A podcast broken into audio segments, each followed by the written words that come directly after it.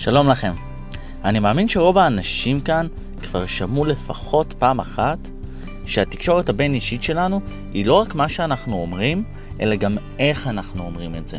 דברים כמו שפת גוף, אינטונציה וקצב דיבור. אני לא מתכוון כמו רוב האנשים לחלק את הדברים האלה לפי אחוזי השפעה. כי לא משנה איזה אחוז אני אגיד, תכלס, אין לי שום מושג מה אחוז ההשפעה האמיתי של שפת גוף או של המילים שאנחנו אומרים. אבל מה שאני כן יודע, זה שיש לתקשורת הלא מילולית שלנו השפעה מאוד חזקה. כשאני מדבר על הנושא הזה בדרך כלל עם אנשים, הרבה פעמים אני שומע את השאלה, איך זה בכלל הגיוני? הרי רוב האנשים כן מבינים מילים, אבל הם לא יודעים לקרוא שפת גוף, הם לא יודעים לפרש אותה. אז איך זה משפיע? ואני אגיד, זה משפיע באופן לא מודע, באופן אינטואיטיבי. אני אתן לכם את הדוגמה הכי פשוטה. מישהו מדבר איתכם בקול נורא חלש ולא מסתכל לכם בעיניים. אתם אפילו לא תחשבו על זה בצורה מודעת, אבל באופן אינטואיטיבי אתם תרגישו שהוא בלי ביטחון עצמי.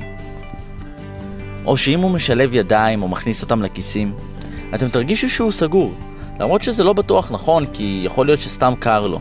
אבל אני לא נכנס כרגע לאיך לפרש נכון את השפת גוף. מה שחשוב לי להסביר כאן, זה שיש לשפת גוף ולתקשורת הלא מילולית השפעה. אז ממה אפשר להתחיל? ממה אתם יכולים להתחיל? קודם כל, להיות מודעים. גם לשפת גוף שלנו וגם לשפת גוף של הסובבים אותנו. ככל שתשימו לב יותר, ככה השליטה שלכם בשפת גוף תשתפר. אני מקווה שאהבתם את השיעור הקצר הזה. בנוסף, ביום רביעי אני אעלה כתבה עם שמונה טיפים לשפת גוף בזמן ראיונות עבודה.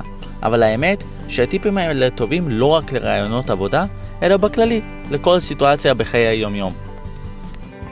וכמובן, כמובן, ניפגש גם בשבוע הבא לעוד שיעור קצר.